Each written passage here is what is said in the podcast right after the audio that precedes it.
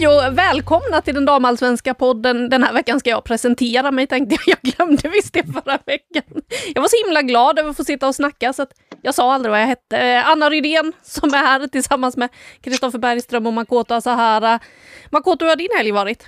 Jo, den har varit lugn måste jag säga ändå. Det, nu var det ju inte lika mycket matcher att hålla koll på som tidigare helger, men då hade man ju fullt upp under torsdagen där istället och så vidare. Men sen var det ju var ju ändå Piteå mot eh, Örebro här under gårdagskvällen också, så att lite fotboll fick man ju. Jag tänkte på det när du sa det, att du glömde presentera dig. I alla andra poddar jag brukar sitta och programleda så presenterar jag mig aldrig.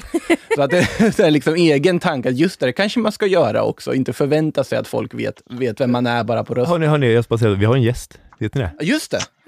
Kan vi inte ta in gästen? Jo, och eh, det är ju den 17 maj idag så att eh, det är väl bara att säga gratulerar med dagen Guro Pettersen eh, från Piteå som vi har med oss. Jo men tusen tack, då får jag svara på norska också eller? ja. Jajamän! Hur firar du idag? Nej men faktiskt just nu så är jag uppe vid omklädningsrummet på LF och jag har bakat tårta och nu har jag dekorerat med hela LF med norska flagg. Så nu väntar jag bara på att hela laget ska komma och fira världens bästa dag. Ni är ju bättre på att fira nationaldagen än vad vi svenskar är. Ja, men det vill jag ju säga. men jag har en kompis, en kollega som heter Oskar Månsson som flyttade till Norge och han blev väldigt ja. besviken på 17 maj-firandet för att först går man den här paraden på Karl Johan, sen äter man ja. en korv eller en glass och sen går man hem. Han ja, sa liksom att... Då har han varit med fel folk. Ah, okay. alltså, ja, för eh, alltså 17 maj, det är världens bästa dag.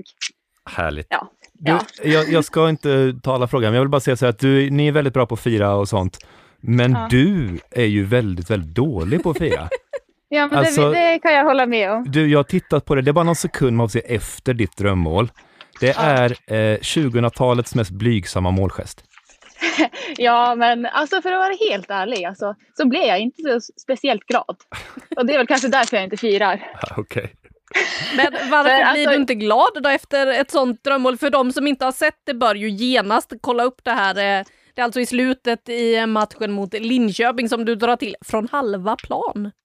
Ja, alltså, jo, jo jag, jag, jag, det kommer kanske lite leende på, på mitt mun, men annars så, jag blir ju bara glad om vi vinner. Så det enda jag tänkte var bara så, ja, fan, yes, den gick i mål, nu får vi, eh, kanske vi hinner ett, ett angrepp mer. Alltså. Så det, var, det är kanske därför att jag inte firar, för det, det kom ju bara spontant. Om det, om det hade varit typ att det blev 4-4 eller att vi vann på det målet så tror jag nog att det hade kommit ett lite firande. Men eh, ja, så när vi inte tog poäng så, så blev jag inte så glad. Alltså, fanns, det, fanns det någon tanke då istället att springa åt andra hållet och hämta bollen? Nej, alltså jag tänkte, alltså jag vet inte, jag, jag gör ju bara det här så, alltså så jag ser ju att alla andra börjar fira och Faith börjar skrika Guro, fantastiskt! Och jag bara ja fan kom igen tjejer, vi hinner ett till angrepp nu. Men du har sett bilderna i efterhand, du har sett det själv? ja, jag har sett den några gånger. Det, det har jag gjort. Det är ju snyggt. Ja, det målet är snyggt. Och sen är det om, om man är generös så är det en liten moonwalk du bjuder på väl? Du springer bara baklänges. ja, om man är lite generös så är det kanske en liten moonwalk. ja. Ja, den matchen präglas ju, ni har spelat två matcher ska vi säga, men, men den matchen präglas ju av eran start där, eh, katastrofstarten. Eh, berätta när ni släpper fyra mål i början där, vad, hur, var, hur var det i laget just då? Nej, alltså det är ju tufft. Alltså, jag vet inte om ni såg Champions League-finalen igår också, ja. när mm. Barcelona mm. går upp. Jag fick ju lite sån flashback från inköpsmatchen.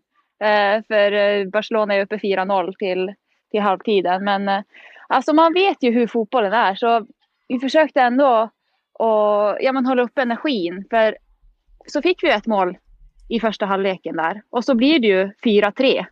Så man, man vet, alltså jag, vet, jag känner ju själv alltså om man är uppe 4-0 och det andra laget gör mål och det kommer ett till mål och ett till mål så, så blir det ju lite stress.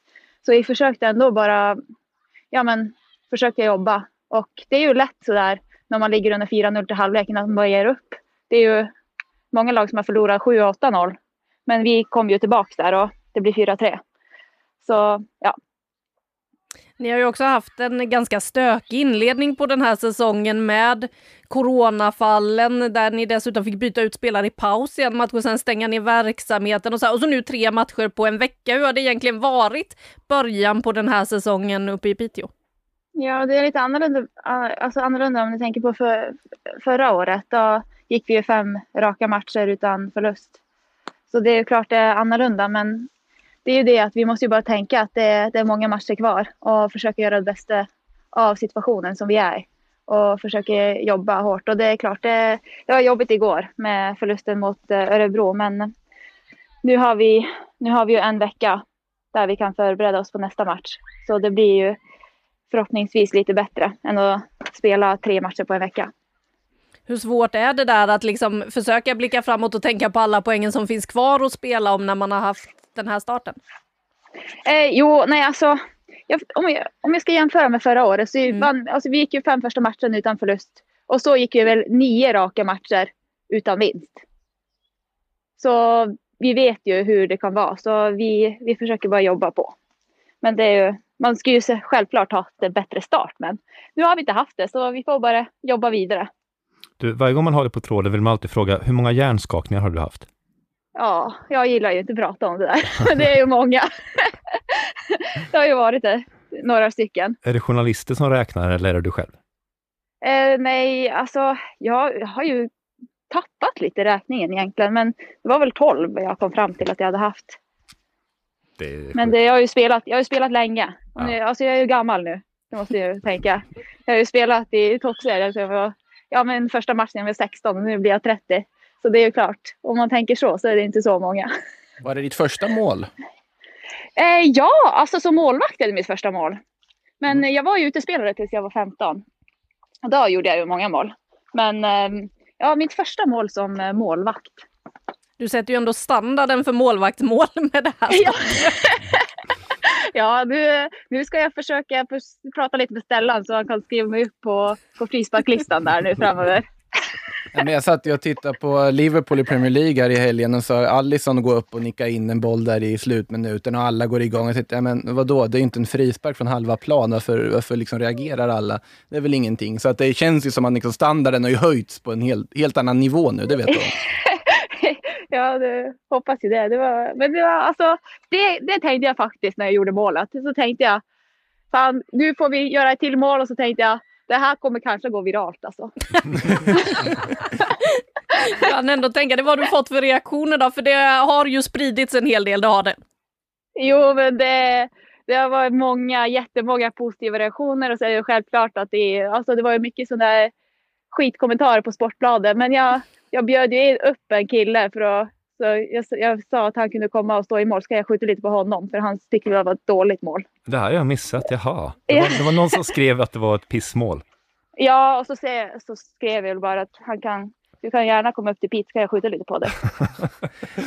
vågar han? Det, ja, han kommer när han har tagit vaccinen. Så hoppas han kommer. Det hoppas vi, men jag reagerade faktiskt också en hel del på de här kommentarerna som kom in och och går man in och tittar på till exempel då Viktor Edvardsen i Degerfors som drog till ett skott från halva plan, där finns det inga diskussioner om att ja, men vad höll målvakten på med då? Där är det ju bara Nej. hyllningar. Va, vad säger du om det liksom och varför tror du att det är så? Nej, men det är ju lite så. Det är ju lite så det alltid, alltid är, känns det som. Så, men jag försöker ju inte läsa så mycket av de negativa kommentarerna. Men det är det som är så synd, att varje gång en tjej gör något bra så ska man typ hitta något annat och och skuldra på. Typ att ja, det var dålig målvakt eller kolla här eller kolla här. Men Alltså det var ju ett jävligt bra skott så jag tror inte jag hade tagit det själv alltså. alltså de människor som, som liksom tittar på det här målet och tänker ja men där ska ju Kajsa Andersson vara bättre placerad. Alltså de, de vill man inte gå ut och ta en öl med. Det känns inte som sådana som ser positivt på livet. Liksom. De ser glaset som halvtomt snarare än halvfullt. Liksom, ja det går att diskutera absolut men kom igen, det är en, det är en frispark från halva plan av en målvakt. Liksom. Det kanske är ja. det som är fokus. Alltså jag hade ju haft samma utgångsställe som Kajsa Andersson på det målet mm. också. Det är ju bara att bollen har en sån jävel fart och så med vinden som, som är där. Så det är svårt att beräkna. Men alltså jag, jag har aldrig upplevt att någon kommit till mig, alltså ansikte till ansikte och sagt något fult om damfotboll. Det är bara på sociala medier. Så mm. det, är, det är också lite, lite konstigt. Men eh, ja, de är väl lite tuff bak, vaknar och sitter och skriver på sin mobiltelefon eller något. Men det är ju... ja.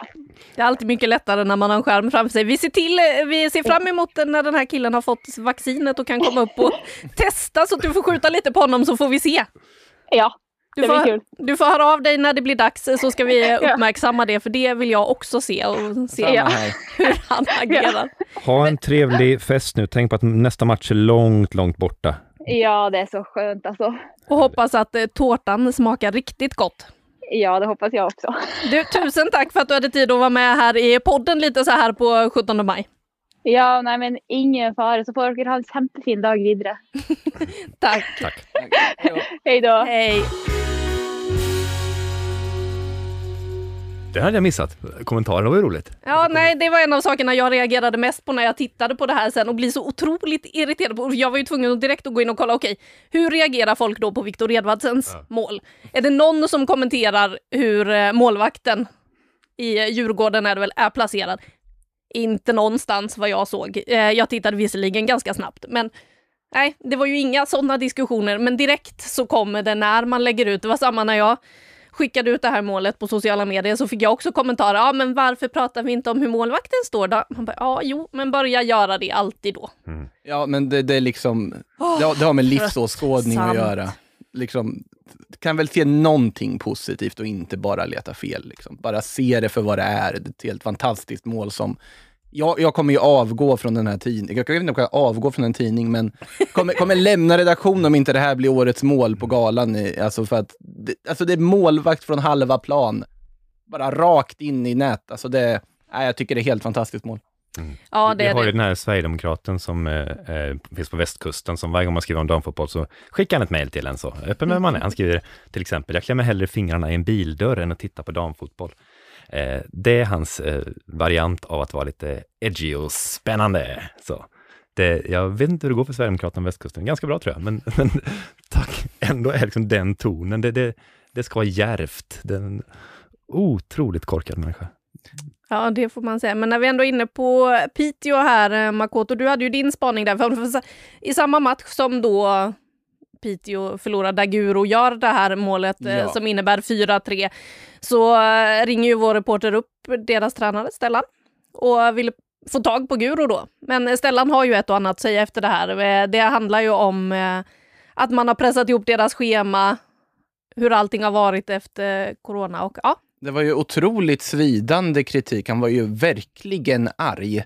Eh, över att den här matchen spelas när den spelas. Och här känner jag på något sätt att det han säger, absolut, det finns väldigt mycket vettiga saker i det om hur man hanterar det här och hur laget har liksom mått och så vidare, att de aspekterna ska spela in. Absolut. Men jag pratade också med Stellan när det här beslutet kom, innan de har förlorat med 4-3 mot Linköping. Där han var, ja men det, det, finns inte så mycket att göra, det här ligger liksom på sportchefens bord och så vidare. Och det var mer att, ja men vi får väl acceptera att det är så, det är väl bra att vi kunde flytta den överhuvudtaget. Men när man har förlorat, gå ut så. Jo, jag kan väl tänka mig utan att själv ha pratat med Stellan om just det här i efterhand, så kan man tänka sig att ja, men det fanns väl en aspekt att inte låta det här påverka spelarna som kämpar och förbereder sig på bästa möjliga vis för att kunna spela den här matchen, att ha positivt utåt för spelarna som gör, gör all, allt de kan för att vara redo till de här matcherna som kommer. Men det blir, det tappar sin edge, för jag tycker det är väldigt mycket bra saker han säger, men det tappar en edge när det kommer i liksom känslomässiga efterdyningar av en förlust snarare än när den här matchen då planerades in. Då den Ja, vilket datum i maj det blev minns jag inte exakt, men den där torsdagen i alla fall. Jag ska citera också bara så alla är med på det. Stellan säger, alltså tränaren Piteå säger, jag tycker det är så jävla osportsligt. Hela idrottens idé om att det ska vara någon sportslig rättvisa är totalt död för mig. Ja, och det, det var kanske inte det som jag liksom höll med, att äh, liksom äh, ordagrant, men just det här att såklart de kan lägga matchen i juni istället, istället för att liksom tajta till matchschemat ännu mer, särskilt med tanke på resorna de har. Absolut, men säg, liksom var arg innan ni har förlorat i sånt fall, för det ser inte så jättebra ut när det kommer liksom direkt efter en tuff förlust mot Linköping på det sättet.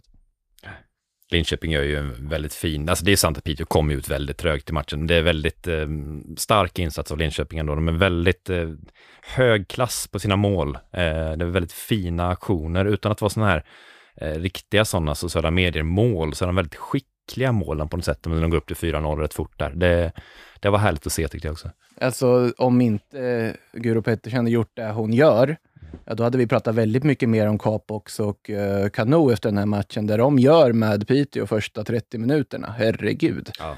Alltså Kano är fyra mål på fyra matcher nu. Capox som kommer in och visar att jo, jag ska nog starta i det här laget. Jag har verkligen kapaciteterna för att göra det. Liksom det, driv, det skottet hon gör till 1-0 målet är ju helt fantastiskt och förarbetet till 2-0 också. Otroligt spännande Linköping får man säga här på inledningen. Och då har vi återigen någonting jag är imponerad av. Så kan vi gå vidare. Då har vi, har vi avklarat det också idag. Men du var inte så imponerad av Stellan Karlssons konsekvens? Inte tajmingen av konsekvensen, eller vad man ska säga. Att jag förstår om man är irriterad. Jag förstår om Piteå var irriterade på att de måste slänga in matchen där de måste slänga in den. Men eh, tajmingen blir fel med tanke på hur lugnt man tog. Ja, han sa att det inte var optimalt inför, men liksom utbrottets timing rimmar lite illa med resultatet i matchen. Det kan bara vara en slump, men det är i alla fall så jag känner. Mm. Du skickade ju faktiskt också ett sms till mig i torsdags och skrev nu har jag hittat något jag inte är imponerad av. det var faktiskt någonting annat. Det var faktiskt sägas. någonting annat, eh, så vi kan väl eh, ta det för det, vi måste ju snacka om den matchen lite också, det som hände Vittsjö mot AIK. AIKs försvar imponerade mm, inte ens på dig.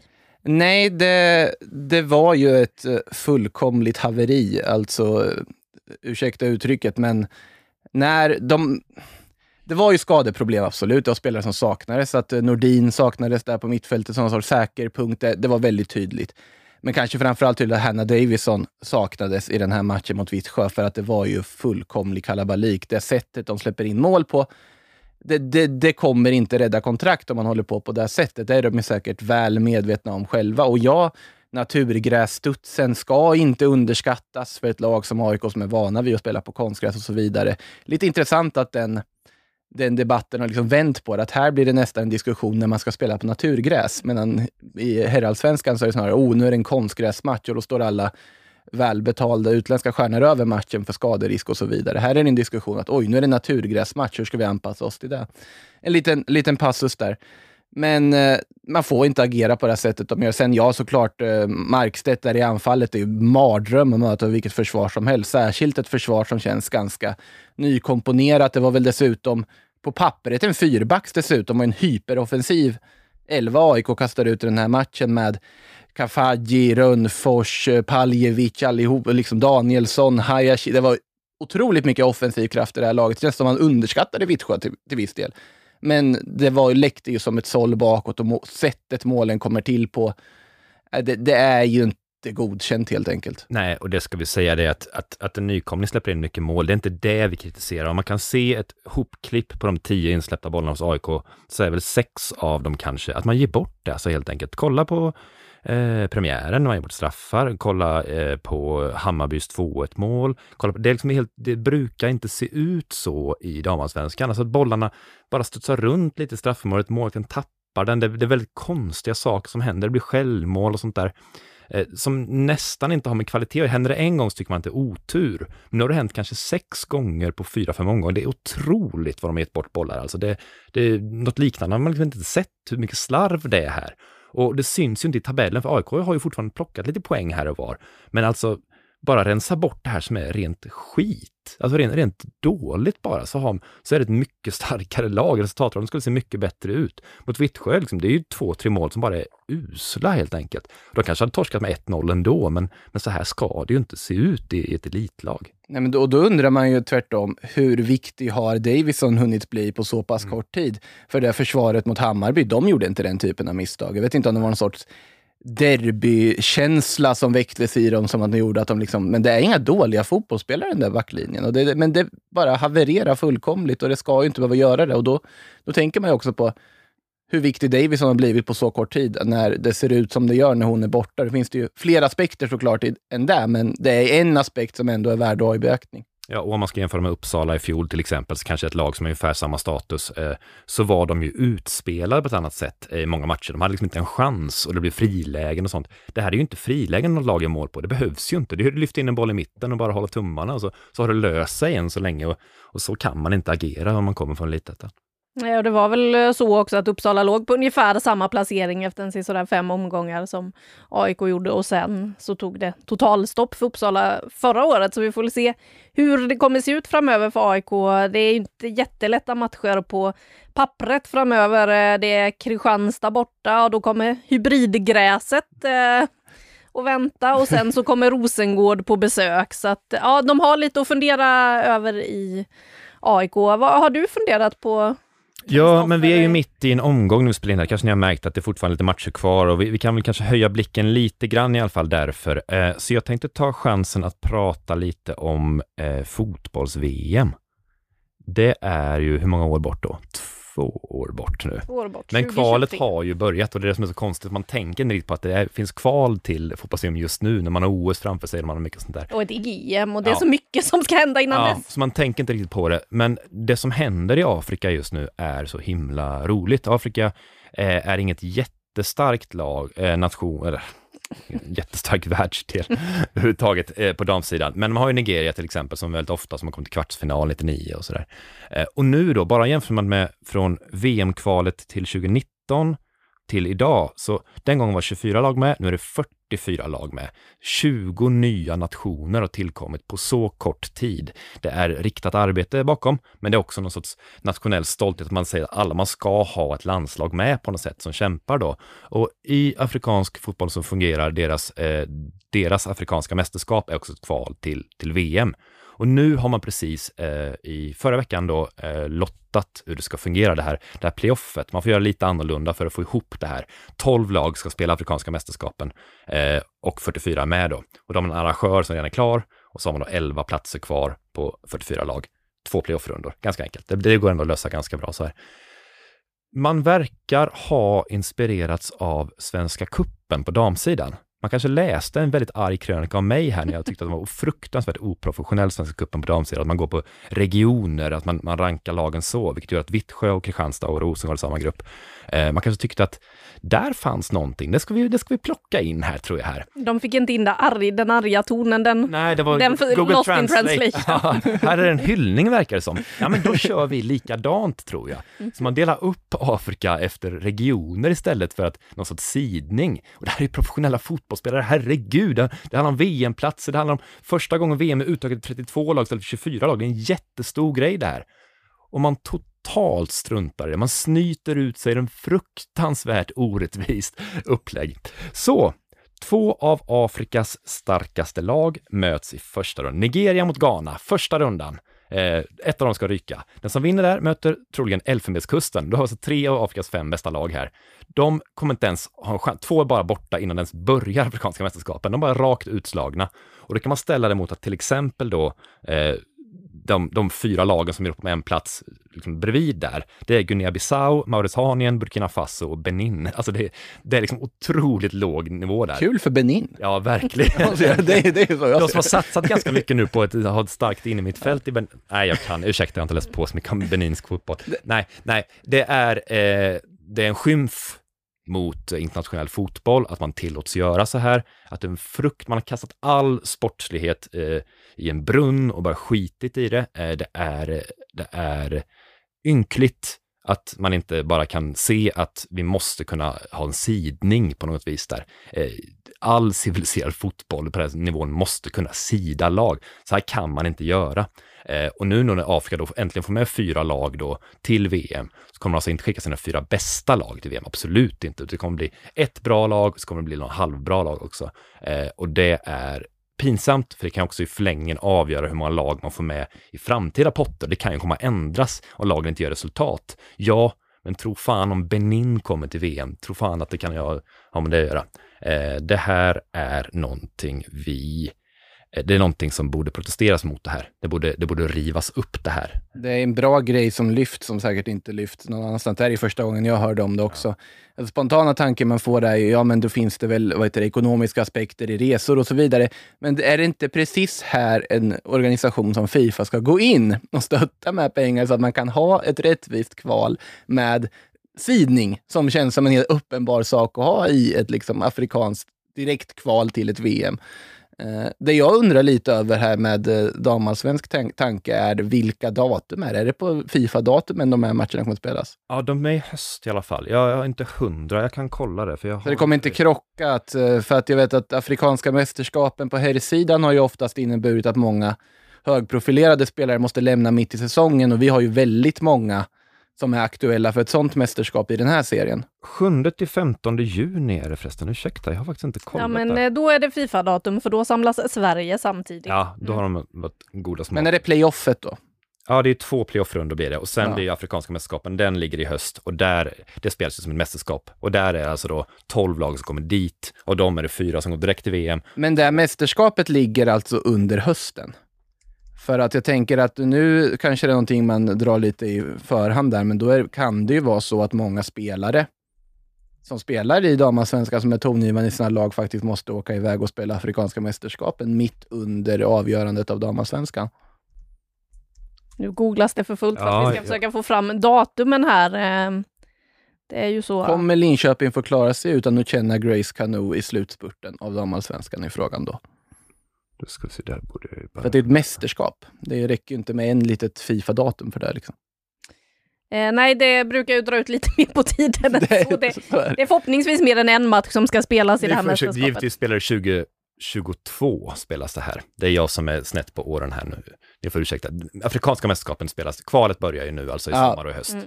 Eh, förstås. Och de spelar själva mästerskapet gör de nästa sommar. Så att, så att det här... Och de spelar på sommaren då dessutom. Ja. ja, men då så, då, då kan vi ju glömma den lilla funderingen jag hade. Ja, ja, för där har vi också ett EM att eh, se fram emot i England. Absolut, och Uefa har fått lite, lite kritik för hur, hur kvalet är på Europasidan eh, till, till VM. Men det är ju ingenting mot det Afrika gör här nu.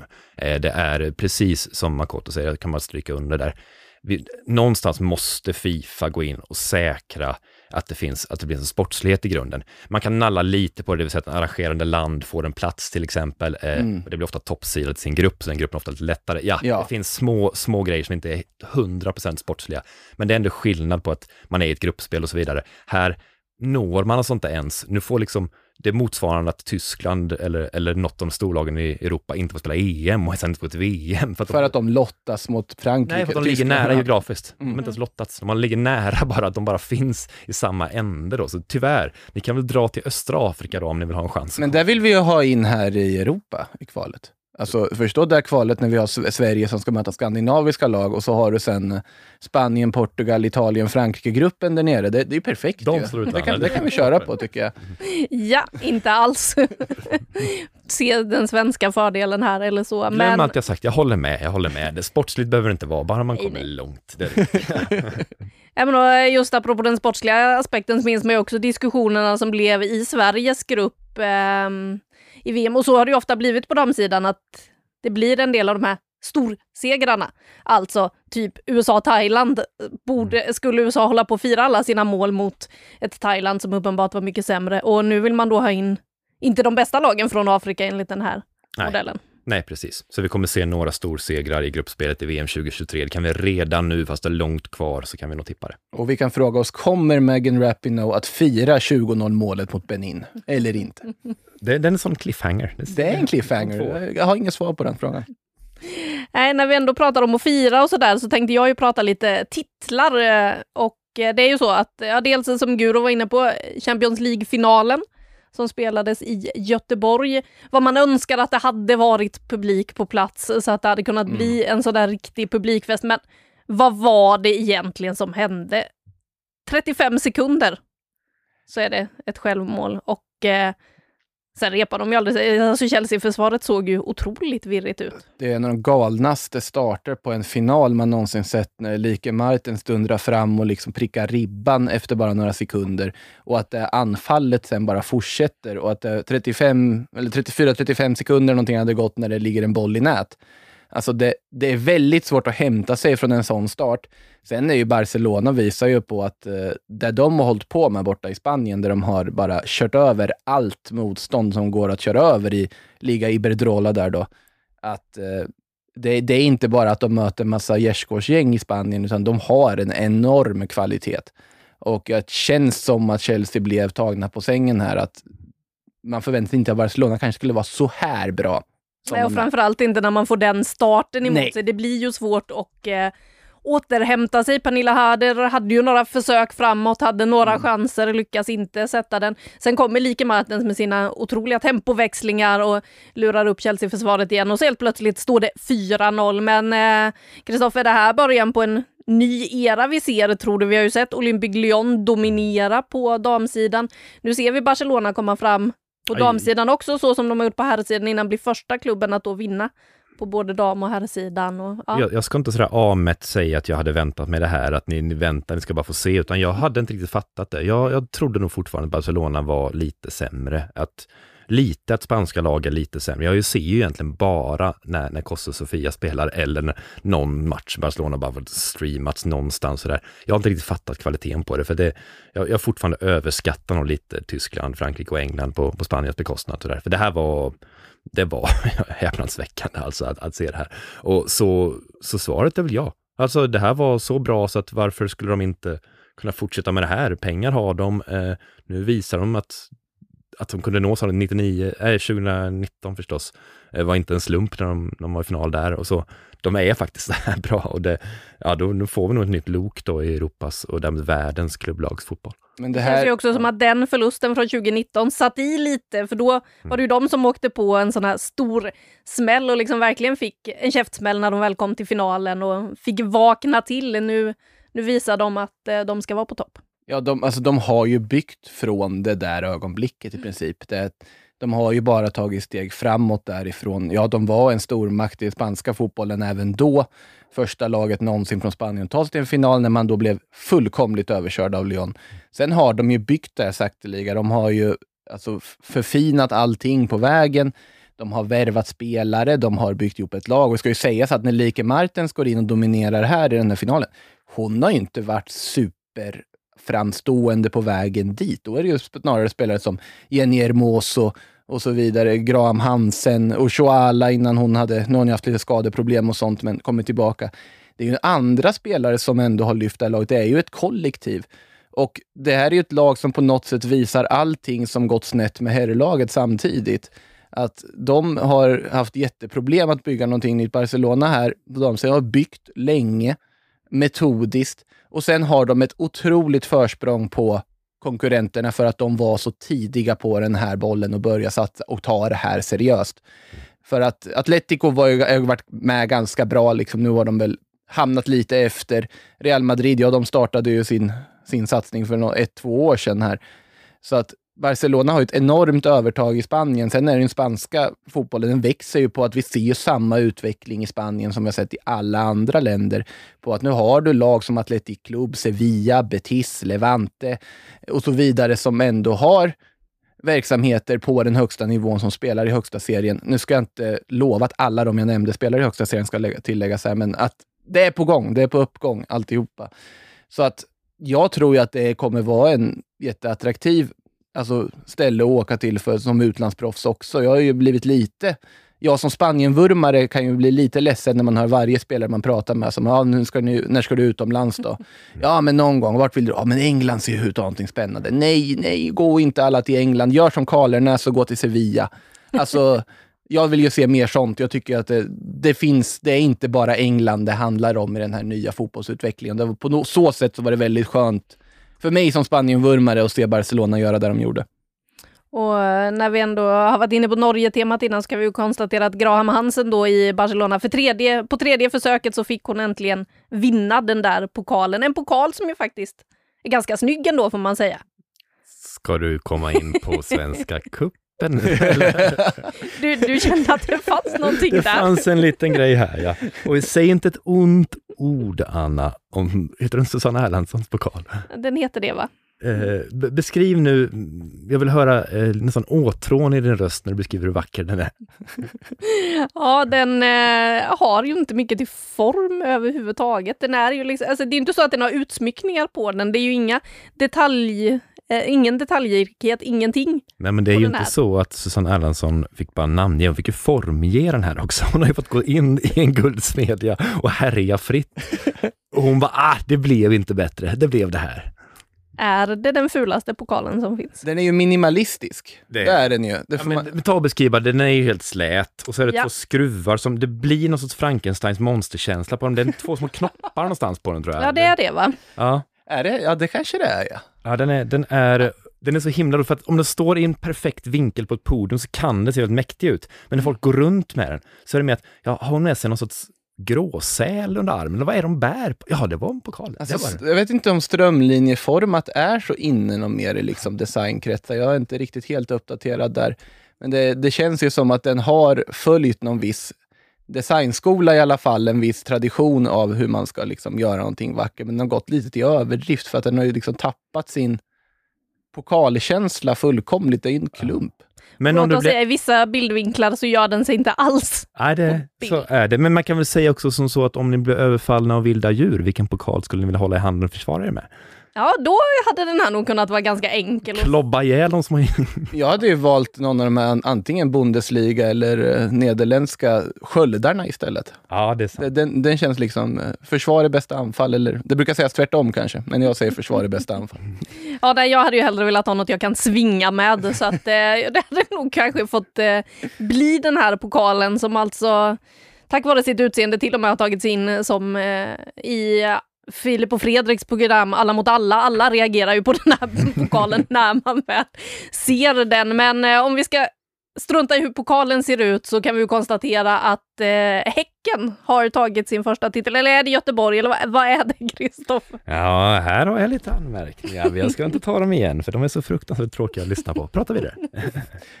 Nej, men Häcken som vi ju har haft en hel del frågetecken kring inledningsvis den här säsongen, som har laborerat med trebacks och fyrbackslinje och som jag läste Mats Gren har pratat om att liksom nu vi hade haft två riktigt bra, träningsveckor inför Linköpingsmatchen. Det kändes som att allt var på väg att sitta, liksom att vi har hamnat på ett bra ställe och så kom den där förlusten där eh, Linköping verkligen visar hur man tar sig förbi Göteborgs, eller då Häckenförsvaret när eh, man vilade Luna Gevit som vi var inne på förra veckan. Men i den här finalen då så kliver man ju ändå fram.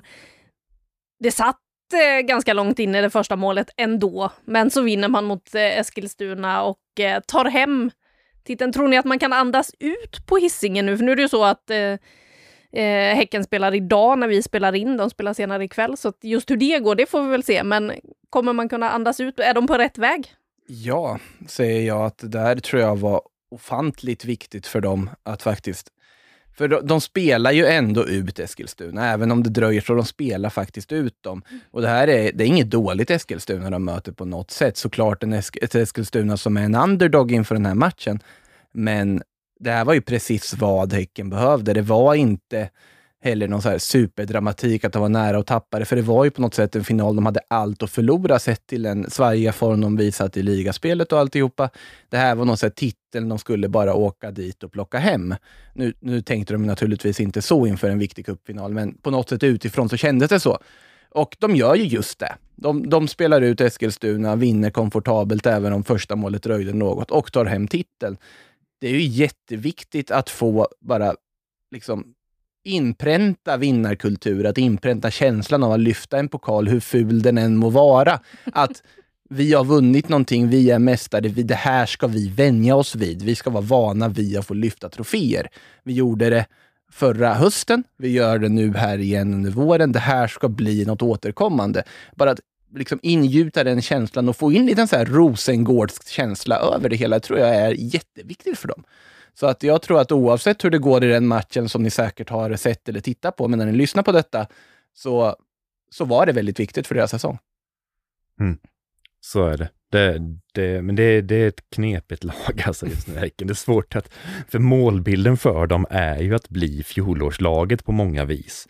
det som verkligen alltid tog kommando och såg ut som de gjorde i cupfinalen. Mm. Att också dåliga dagar ha kommandot och styra och till slut kommer det mala till.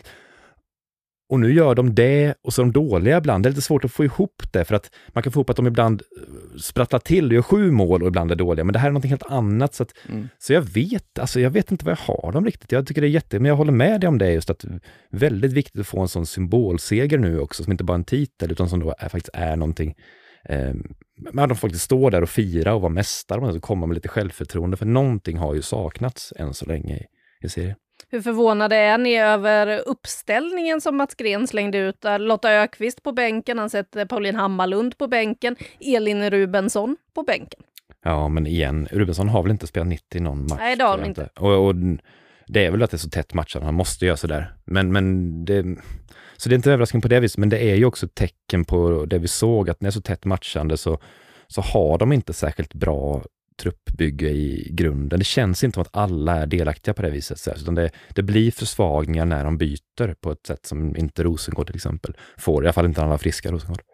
Och för Rubenssons del där så är det väl den delen eh, där hon ska in som de är som starkast, där man har eh, Filippa Kurmark, Filippa Angeldal och eh, Julia Sigiotti Olme på innermittfältet. Ja, är hon ytter har varit någon gång. Alltså, jag tycker fortfarande hon kan vara back. Alltså det har hon ju varit massa gånger i landslaget och sånt där. Också i en trea tror jag hon kan vara back, för att det är det de behöver, någon riktig sån, ett alternativ. Jag vet inte hur Kolmats, så nära hon är och då måste hon in i matchspel också, så där, men de måste ha inte bara ett alternativ att skicka in, utan någon som är typ landslagsbra, för det är det kravet som finns på de här lagen. Och det har de inte just nu. Eh, Dylan Holmes är inte så pass bra, det, det tycker inte jag.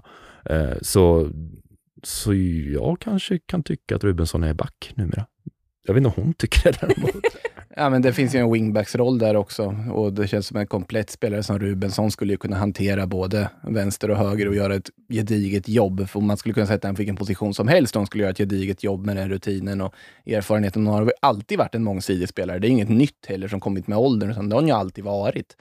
Eh, så nej, jag håller med att det känns som ett sån spelare man vill få in och spela mycket nu också här framöver, för jag tror att hon kan bli ganska viktig med. Och än en gång visar ju Emma Holmgren att eh, det är svårt att göra mål på Eskilstuna. Hon måste ju vara en av de målvakterna som de två senaste åren har haft absolut mest att göra.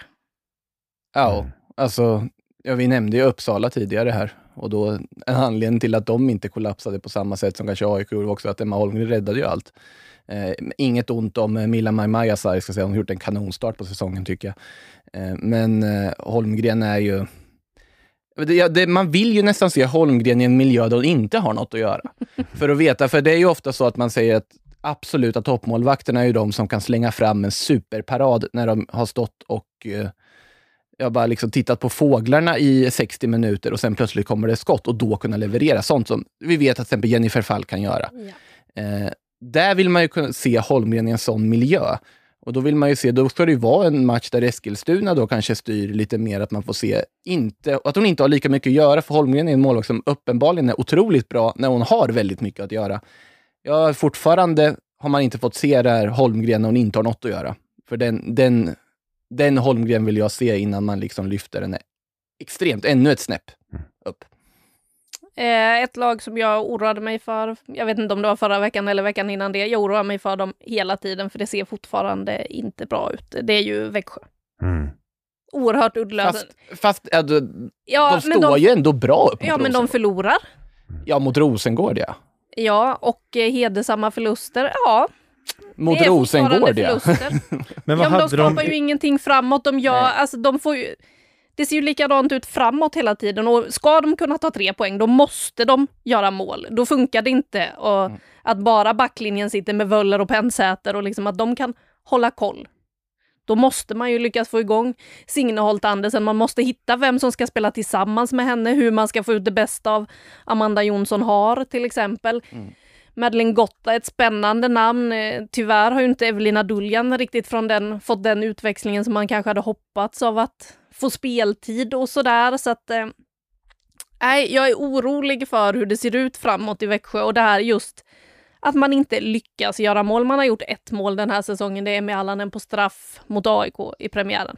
Jo, men eh, då har de alltså 1-6 i målskillnad nu då. Mm.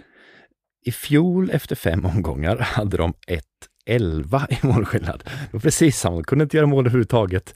Och de såg väl det, att det var en succésäsong det där. Det var precis som man ska göra. Det, var, det är ju den här kenyantaktiken. Man lägger sig i botten och så bevakar man alla lite så. så. Och sen sticker man. Ja! Men de har ju inte, de har väl inte liksom det alternativet som fick dem att sticka. Det, det sitter ju redan där på tränarbänken. Mm. Så att det är ju det, de kan ju inte göra den utväxlingen och hoppas på det bästa i det här läget heller. Att det inte tränarbyte är inte rätt väg att gå för dem. Nej, men då kanske de istället i sommar får se till att okej, okay, nu har vi satt grunden. Vi har fått in då Maria Nilsson som ju var skillnaden i fjol och då mm. tog ner dem till fyrbackslinje och allt som hände i och med det där tränarbytet. Utan nu får man ju då försöka hitta och hitta rätt i den som ska kunna göra mål. Det är ju det man måste lyckas hitta mm. till eh, sommarfönstret. Men hur är deras ekonomi? Den har ju alltid varit så jäkla risig. Är ja, men nu verkar den ju inte vara något större problem i alla fall. Det verkar inte som man oroar sig det för den i Växjö i alla fall. Det var totalt skit fram till corona och nu, har de, nu är det lugnt. Ja. Ja, alltså jag, jag, skulle säga att alltså, jag håller med om att såklart det finns många anledningar att oroa sig över hur det ser ut där. Eh, nu har jag tippat dem i botten i säsongen ändå, ska sägas, så man är inte förvånad heller. Men just den här Rosengårdsmatchen ser ju inte jag som en orosmoment, även om det blir en förlust sett till vart vi har Rosengård idag och sett till hur de ändå står upp i en sån match. Däremot kan man ju backa bandet och säga att ja, den där matchen mot AIK var ett orosmoment att man inte lyckas vinna den från början. Det finns andra matcher man kan plocka av också. Så att såklart de måste börja samla poäng och börja göra mål på ett eller annat sätt. Det, det råder ingen tvekan om. Nej, det blir intressant att se. De har eh, KIF Örebro borta som nästa match och sen kommer Linköping på besök till eh, Visma Arena. Så det blir intressant att se hur de eh, tar sig igenom de närmaste omgångarna och om de kan lyckas få igång åtminstone Signe Holt Andersen. Hon gjorde ju ändå några mål i fjol, även om väl merparten, om jag minns rätt, var på straff. Och eh, det har ju inte gått hittills i år. Nu har de ju väl bara fått de där två straffarna i premiären där Signe brände den första och sen Emmy Allanen satte den andra så att de fick med sig en poäng från den där poängen som de då har tagit så här långt. De gillar inte spelmål. Nej, varför ska... Men du gillar spelmål förresten. Vi kan inte säga någonting om KIF Det var precis där jag var på väg in. Ja, vad vackert det var. Herregud. Det är igen så, det blir inte årets mål, men det är så läckert. Jag pratade med tränare Rickard Johansson inför säsongen, så frågade jag men okej, okay, du, du pratar mycket om att du vill höja expected goals och, och skott och all, all den här tränarlingon det ska vara och sådär. Men så, okej, okay, men hur, hur, ser, hur ser det ut då? Jo, mitt drömmål det är att vi börjar med en, en vi spelar längst bak från mål, vi rullar genom laget, alla lagdelar, alla har bollen. Till slut så anfaller någon på högerkanten, slår en boll som någon som står borta stolpen rullar in den, gärna Karin Lundin där så ser vi hur målet ser ut. Det är ju, varenda steg är ju ute, så otroligt snyggt hur de, hur de börjar. De ställer väl hem två backar i eget straffområde tror jag till och med eh, Kieferbro gör, för att ha två alternativ, två vägar att gå liksom. Och sen går det som ett parti Kina-schack eller någonting. Liksom, varenda steg är så perfekt av, uträknat och precis den här vägen det ska gå eh, tills de gör målet. Då. Det, det, det var det Rickard Jönsson beskrev. Han måste ju bara ha svimmat av lyckan. Han såg det. ja, men en perfekt kontring. Det är en helt perfekt omställning de lyckas med där. Alltså, och det är ju precis så där, så där de vill spela. Nu la han ju ut Jenna Hellström fick ju flytta ut på kanten i den här matchen också mot Piteå här nu. Vilma Öhman fick chansen centralt. Det var ju hon som, det var inte Karin Lundin Nej. utan eh, Vilma som stod där i mitten och petade in den. Jätteskönt för henne också att få chansen centralt, men det är ju precis, det var en jättefint steg framåt för Örebro och det här projektet som pågår där.